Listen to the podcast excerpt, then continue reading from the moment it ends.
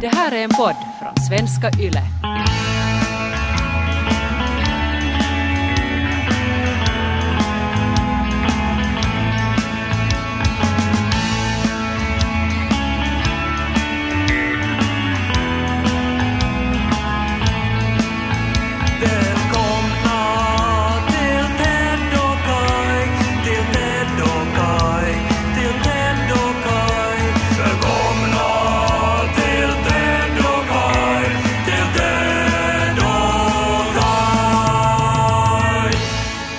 Skulle kunna vara min psykolog, Ted?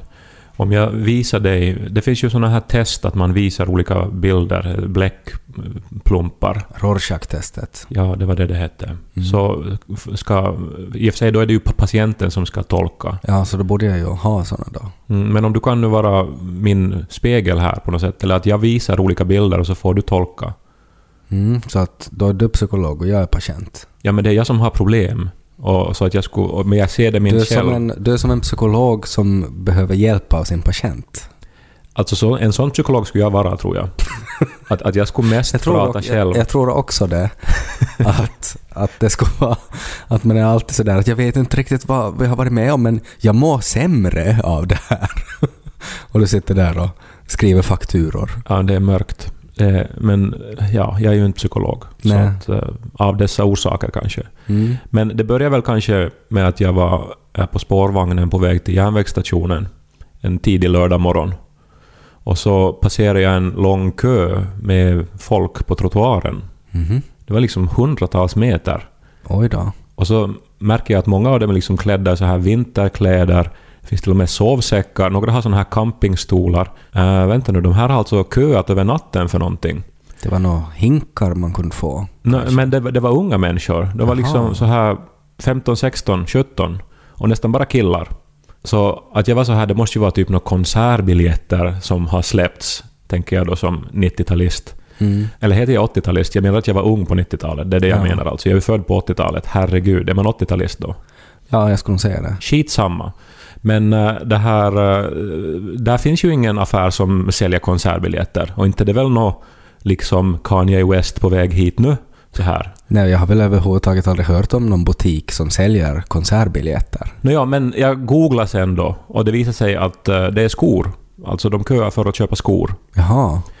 Var Eh, de alla barfota? Nej, utan de ska ha någon sån här limited edition special uh, skateskor som är designade av ett sånt här populärt märke tillsammans med rapparen Travis Scott.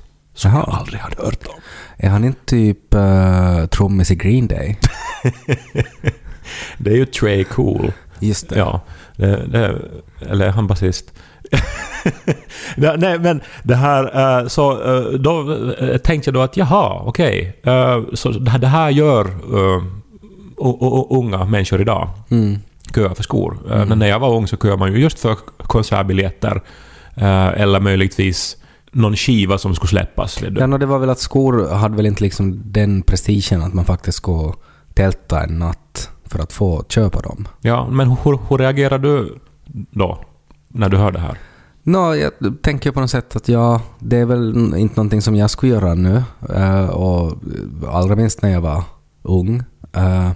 Men kanske det är så här. Vi har ju alla olika hobbyn och intressen och sådär. Jag tänker ju mest på att de är säkert inte billiga de där skorna. Nej, de var inte billiga. Men de var, alltså, eller de var så här som limited edition sneakers typ är. Att Ja. de var varken dyrare eller billigare. Nå, nog är de väl säkert dyrare. Nå- Ja, alltså nog- över 100 euro liksom. Ja. Mm.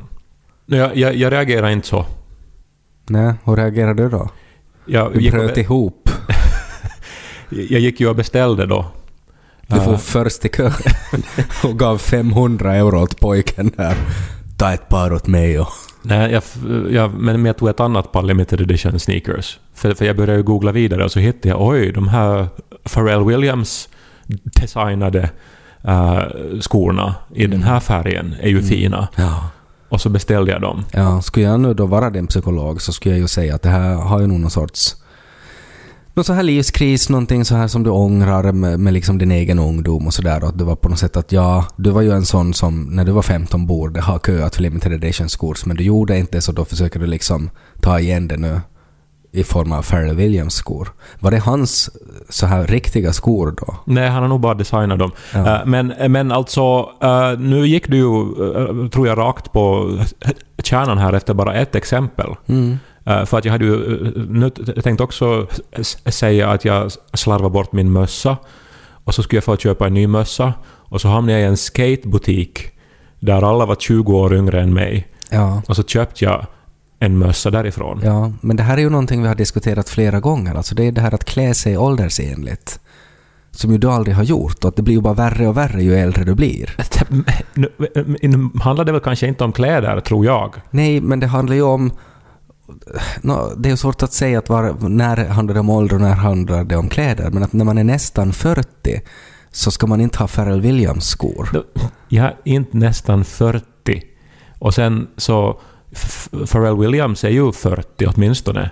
Nå, jag vet inte hur gammal Pharrell Williams är. Ja. Men om han är 40 så då är det ju bättre. Nå, men ja, och sen har det ju varit nu då mycket att vi har uh, umgåtts med, med ungdomar, för vi har ju varit på premiär. Mm, Alltså, och det måste vi nog faktiskt lyfta fram ordentligt här. verkligen. För det här är ju nog något av det största som har hänt i mitt liv. Ja, I mitt kreativa liv, ska Ja. vi säga. Alltså, det har gjorts en TV-serie baserad på boken Virala genier som du och jag har skrivit. mm, eh, som handlar om högstadiet, som handlar om lite om vårt högstadie. mm, Eh, och det- den här är ju några år på nacken, den här boken. Men den har gjorts till en helt splitter ny TV-serie som har premiär på fredag. mm. På Yle Arena hittar man de två första avsnitten nu på fredag. Och att vi kunde igår då liksom sätta oss i en salong omringade av en, en massa ivriga människor och, och så kunde vi liksom se då på en, en, en skärm, på en duk, de här grejerna som du och jag har hittat på för länge sedan. Ja, och liksom... Och det såg bra ut. Det såg jättebra Och ut. människor skrattade. Och uh, människor var, var jätteivriga och nöjda. Och, och jag hade liksom gåshud. Ja men det var ju, det var ju mäktigt. Och, det var ju och, och jag var rörd. Alltså Ja. hur, hur bra de har gjort det. Ja, och hur duktiga de var. Alltså de här, jag menar det är ju det är väldigt unga människor som spelar huvudrollerna. Och de är ju så otroligt duktiga. Men det var ju just det. Sen då efteråt, när vi hade sett på allting då, så står ju skådespelarna där. Mm. Och jag blir ju inte starstruck så ofta längre. Nej. Eh, men jag hade liksom, vet du, så här flashbackar till när man var som mest nervös i sin ungdom, när jag skulle gå fram och prata med de här Mm. killarna och tjejerna. Mm. Och jag började ju stamma, som jag inte har gjort på länge. Mm. Fick inte liksom ur mig eh, det jag skulle säga och eh, visste inte vad jag skulle säga. Och de var liksom de som måste på något vis ta hand om mig. Nej, men, vet, att, att vara så ung och så cool och liksom ha den utstrålningen och den eh, självsäkerheten. Mm. Och ändå måste ta hand om när det kommer en farbror och är sådär ”Har du hört om F- F- F- Pharrell Williams?”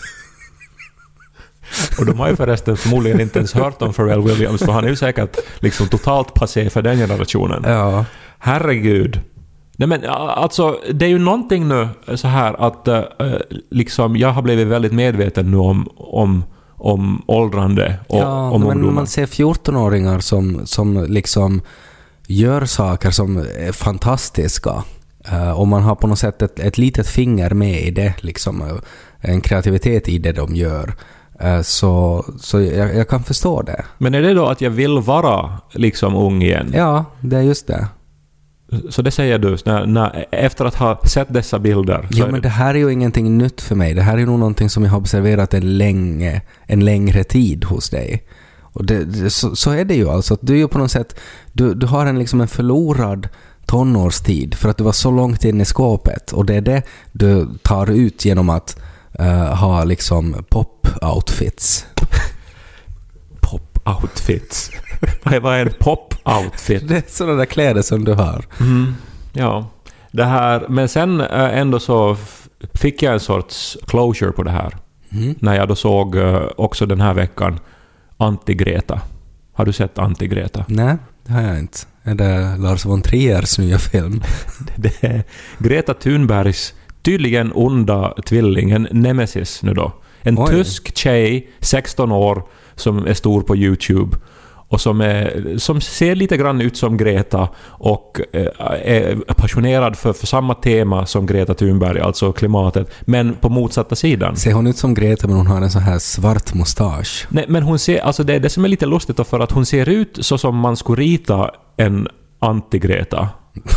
alltså så här att det är någonting med henne som är lite ont, ser man. Ja, okej. Eh, Men ja, grejen då är alltså att hon då har en YouTube-kanal där hon då framför sina klimatskeptiska åsikter. Ja, ja. ja hon, hennes åsikter är liksom motsatsen till Gretas. Ja.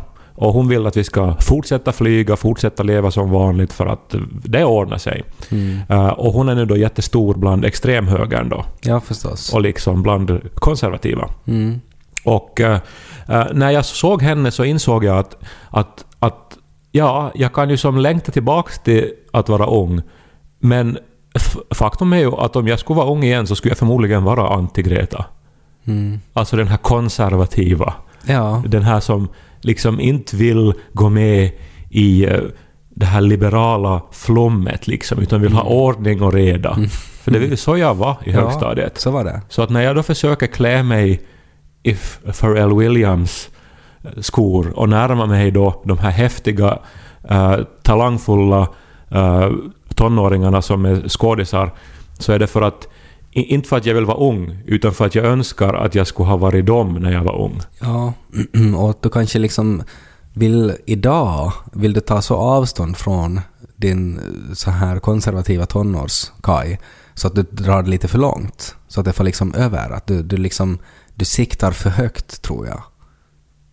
Och det är då du skaffar Pharrell Williams skor. Fast du är nästan 40. Pop-outfits. Sitso popna popnödena lys på Ted och Kai Jag får på homoinvasio också. Alltså, homoinva, alltså ho- homoinvasion. Ja. Det är en sån här rörelse eh, som har uppstått lite så här eh, i skuggorna av sociala medier. Var det här via någon länk som Anti-Greta hade? nej, hon skulle ju... al- Alltså i och för sig, homoinvasio är ju ett slagord hon skulle kunna använda säkert. Ja, det var det jag tänkte på. Ja, nej. Utan det här är då en, eh, en, ett initiativ att en gång i månaden så väljer då någon sån här ljusskygg ledare till homoinvasiogruppen ut en random bar i Helsingfors. Eh, Ofta någon lite mindre pub eller någonting. Och sen så koordinerar den människan då eh, alla, alla bögar att fara dit vid ett visst klockslag. Jaha. Och plötsligt då på någon random krog då där det ofta då är lite ganska äldre människor eller så här mm, trötta arbetare som liksom är vana då att gå och ta sin fredagsöl och vars liksom klientel inte kanske så ofta byts ut vid att det är de här samma typerna. Plötsligt då så dyker det upp 50 bögar. Som en gay flashmob. Typ lite grann. Ja. Och det var jätteroligt, tyckte jag. Men vad gör man då? Nej, man, alltså, nå, det var jag lite besviken över, för jag hade ju hoppats att det skulle vara att, du, att när man äntrar byggnaden så ändrar musiken och de börjar spela Lady Gagas nya låt och, och så har vissa klätt ut sig och så här. Så var det inte. Nej. Men det blev nog eh, uppenbart ändå att, att nu, eh, de här passarna kanske inte riktigt in bland möblemanget. Ja, Liksom. men vad gjorde stammisarna då? De tittade och, och, och var lite så här förvånade och, och liksom log och sen kom nog någon liksom och frågade då att, att, att liksom varifrån är ni? Och så här. Eh, men inte sa vi ju heller att vi var gay. Vi antog att det märktes och så här.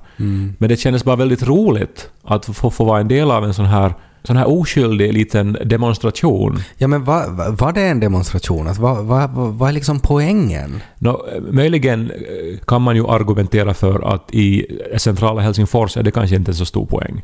För att eh, här är ju människor vana med att se jättemånga olika sorts människor. Alltså, för jag tänker på ett sätt att om man tänker sådana där människor som oftast är då stammisar på så här mindre krogar, att det är ju sådana som kanske har förlegade och konservativa åsikter om ganska mycket i samhället och att för sådana människor så kan det ju vara en så här liten vinkning att så här visa att, nej, men att vi finns och vi existerar och vi kan till och med komma till din lokala krog. Det var ju när de ordnade Jeppis Pride, så då var det ju en intervju som jag minns i TV-nytt, där en, eh, en eh, lokal invånare då eh, ondgjorde sig då över att Jeppis Pride ordnas och sa då i intervjun att, att, att han tycker att det är ledsamt att de nu ska komma hit. Mm. Eh, och eh, det var ju då aningslöst på många sätt. Nämligen, det var ju inte så många som kom utifrån utan det var ju de bögar och lesbiska och de som är deras vänner som bor i trakten framförallt som Mm. ordnar den här saken. Som alltså alltid har funnits där men nu för en gångs skull skulle ta plats och så här. Ja. Eh, så att, men det betraktades ju då som en homo-invasio kanske, Ja. fast det inte var det. Men det är ju typ där som man skulle kanske göra störst nytta med en sån här aktion. Att typ fara till Skutnäs bönehus i Jakobstad liksom under en söndagsgudstjänst. Och liksom, alltså förstås inte göra något väsen av sig, bara fara dit och liksom visa att ja, hej, såna här människor finns också i er omgivning. Ja, eller egentligen så borde det ju vara på något sätt att eh, att just att, att det inte kommer främlingar som de inte har sett utan att det borde vara människor som de har sett varje dag men som inte de har vetat om att det identifierar sig som gay eller sådär. Som på något sätt plötsligt skulle spela Lady Gaga. Det var ju det som var också just med, med Jeppes Bride, att som, många som också kanske har haft en ganska outtalad åsikt att de stöder eh, saken eller att de eh, anser att det här är viktigt, att de då plötsligt eh, stod då i en enda stor hop liksom, alltså, eller en parad i det fallet då, och visade att så här många är vi liksom. Men det som ju nog blev ändå eh, tydligt var ju att det blev ju bättre stämning Ja, blev det det? och det är ju nog, alltså det är ju en fördom, men, men nu har ju bögar har ju nog det där på klart alltså. Alltså hur man får upp stämningen. Mm. Alltså hur man får festen igång. Ja. Ja, alltså det, det är väl en fördom men nog finns det väl någon sanning i det också. Ja men äh, det, det är all- alldeles tydligt, speciellt när det är så här. Och jag tycker ju här alltså att här borde ju de här som har startat Homo Invasio inse då att man alltså kan... Alltså att man eh, borde kunna boka oss, så att säga. För att få the party started liksom. Tror du att det, för- rent sådär evolutionärt måste ju finnas någon point i varför vissa föds homosexuella? Att tror du att det där kan vara liksom den här bakomliggande mekanismen? Att det här är liksom Moder Jords sätt att se till att det ändå blir filis? Och därför så skapas bögar? Det finns ju forskning kring det där just. Att eh, liksom den här homosexuella mannen då framförallt hade gjorts, eller som jag har läst om då. Alltså att eh, i en familj eller i en flock så be- behövs det någon som inte har som, som främsta uppgift då att jaga och eh, liksom avla barn. Utan som ska på något vis upp, upprätthålla den här andliga stämningen i, i eh, flocken. Som ju möter många motgångar och faror och så vidare.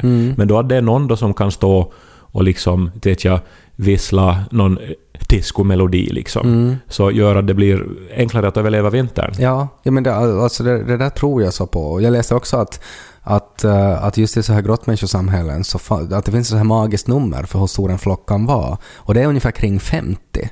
Att är det mer än 50 personer så då börjar det bli liksom svårt att koordinera just en, en jakt eller vem som ska hänga upp girlangerna när jakten är slut och sånt där som, Som är viktigt för som att är man ska må bra. Ja, så är det. Det, det, det, förstår ju alla. Alltså det är viktigt att Det få det det här står- köttet också, eller maten. Jo, jo, men det måste ju vara någon som står där då med Pharrell Williams-skor och säger att vitsen var sexiga när den dödade den mammuten.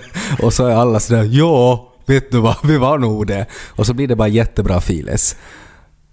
Men kändes det då, när du var med då i den här homoinvasionen, att kändes det som att nu är du som en del av en flock med liksom ett budskap här?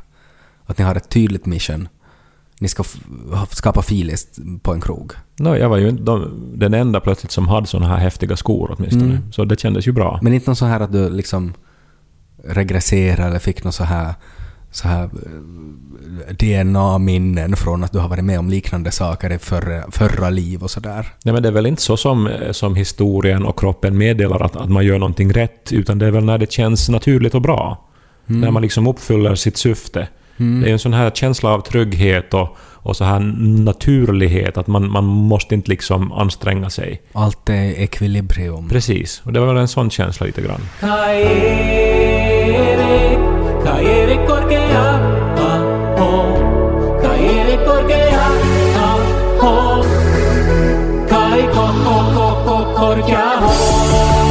Jag läste en sån här um, intressant fakta om pyjamasen.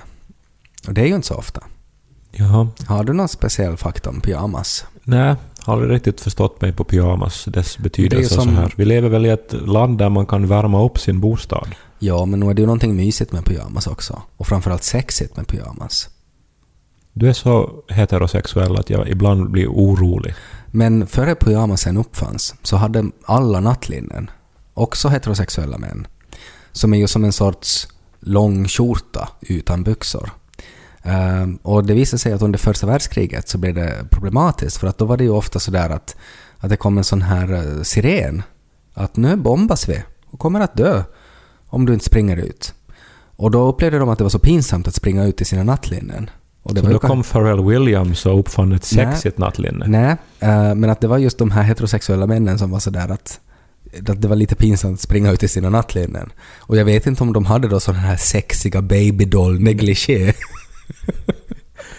Eh, Men oberoende så upp- uppfattades det som att, ja, lite pinsamt. Så då uppfann de pyjamasen som ju är sorts en nattlinne slash kostym.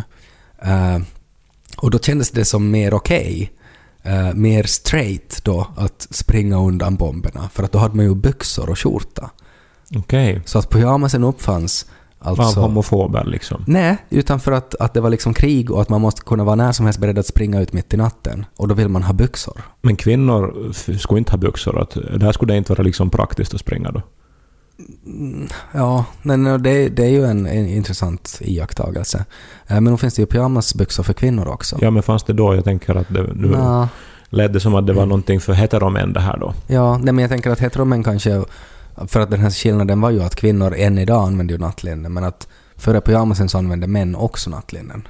Så där tänker jag att, att det ändå var en viss distinktion. Men alltså har du nå- någonsin använt pyjamas i ditt liv? Alltså för jag har inte riktigt som förstått det där att vi vilka det är som än idag använder pyjamas. Någon barn använder ju pyjamas. Va- varför gör de det? Det gjorde jag aldrig som barn. Ja, det är ju jättekonstigt för att det finns ju otroligt gulliga pyjamasar åt barn.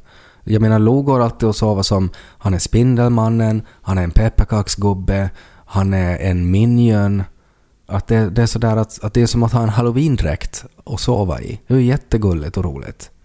Men det är märkligt det här att man byter om för att få och sova liksom. Av vilken jävla orsak? Ja, för att man byter till lite skönare kläder. Nej, men man är naken när man sover. Man har ju sköna lakan. Men om man inte har sköna lakan, om man har stickiga lakan. Ja, nå, du sov ju med såna här frottélakan under hela vår studietid. Mm. Men jag hade fått dem av min mamma. Mm. Såna här, Lakan, vet du vad lakan kostar? De är jättedyra. såna här som man spänner över madrassen. Ja, det är så här som de använder liksom på så här mentalsjukhus och åldringshem. Men det var säkert från något sånt hon hade fått det också. Mm. Men så därför förstår jag då om ni har haft det hemma att man vill använda pyjamas då. Mamma, det gör så ont när jag ligger i sängen. Ja, men sätt på dig pyjamas som skydd. Jag är förvånad att du inte använder pyjamas, för att det är också någonting om man, vi återgår till det här till din förlorade barndom och sådär, så är, är det också ett sätt att, jag menar, säkert finns det ju designer pyjamasar som du skulle kunna använda av popartister. Nu handlar det ju framförallt om skor och mössor för mig. Ja, men det finns ju nattmössor. Ja, nå. Nu Kanske det finns någon form av pyjamassandaler. Men när man sover så vill man ju vara liksom lätt. Man vill inte ha någonting som spänner på kroppen liksom. Man Nej, vill, men inte, pyjamasar är ju inte... Det, det ska ju inte vara så här tajta kläder. De ska vara lösa och luftiga, så man tar ett täcke på sig. Men hellre då, när man ligger då bredvid mannen eller kvinnan man älskar, så vill man ju vill du känna värmen från huden. Mm. In, inte vill man ju att det ska vara liksom frotté runt huden då. Eller som, alltså jag, jag, jag, tycker att den är en märklig så här antiromantisk uppfinning. Pyjamasen. Men nog är det ju mer upphetsande alltid om man inte ser allt än om man bara ser lite. Det är ju vetenskapligt bevisat. Det där är nog så heterosexuellt också så jag vet inte.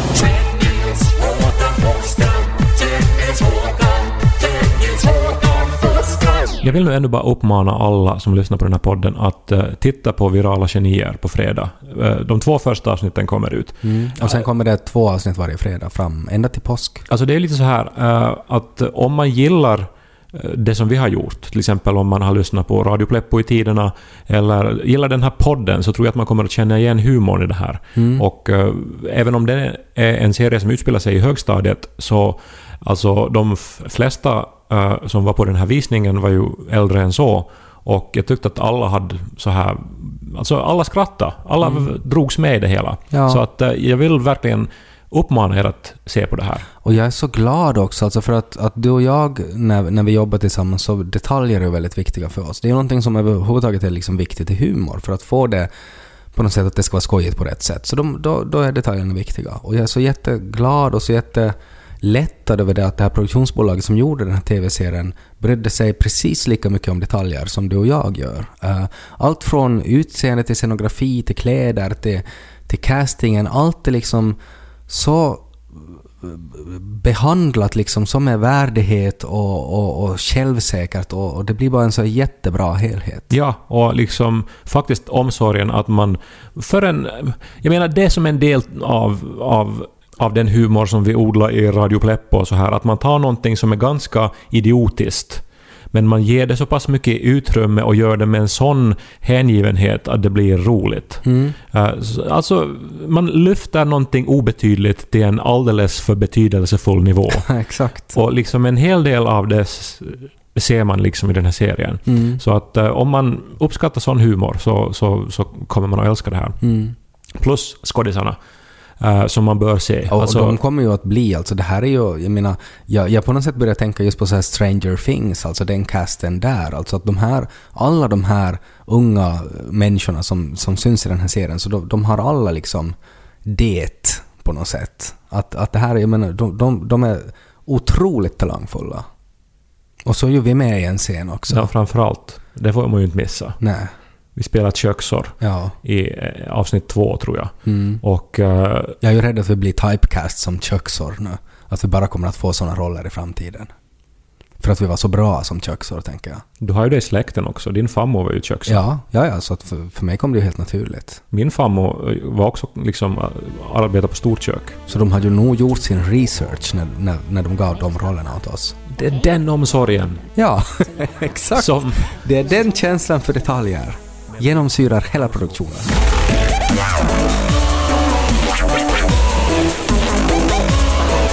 Mel Gibson.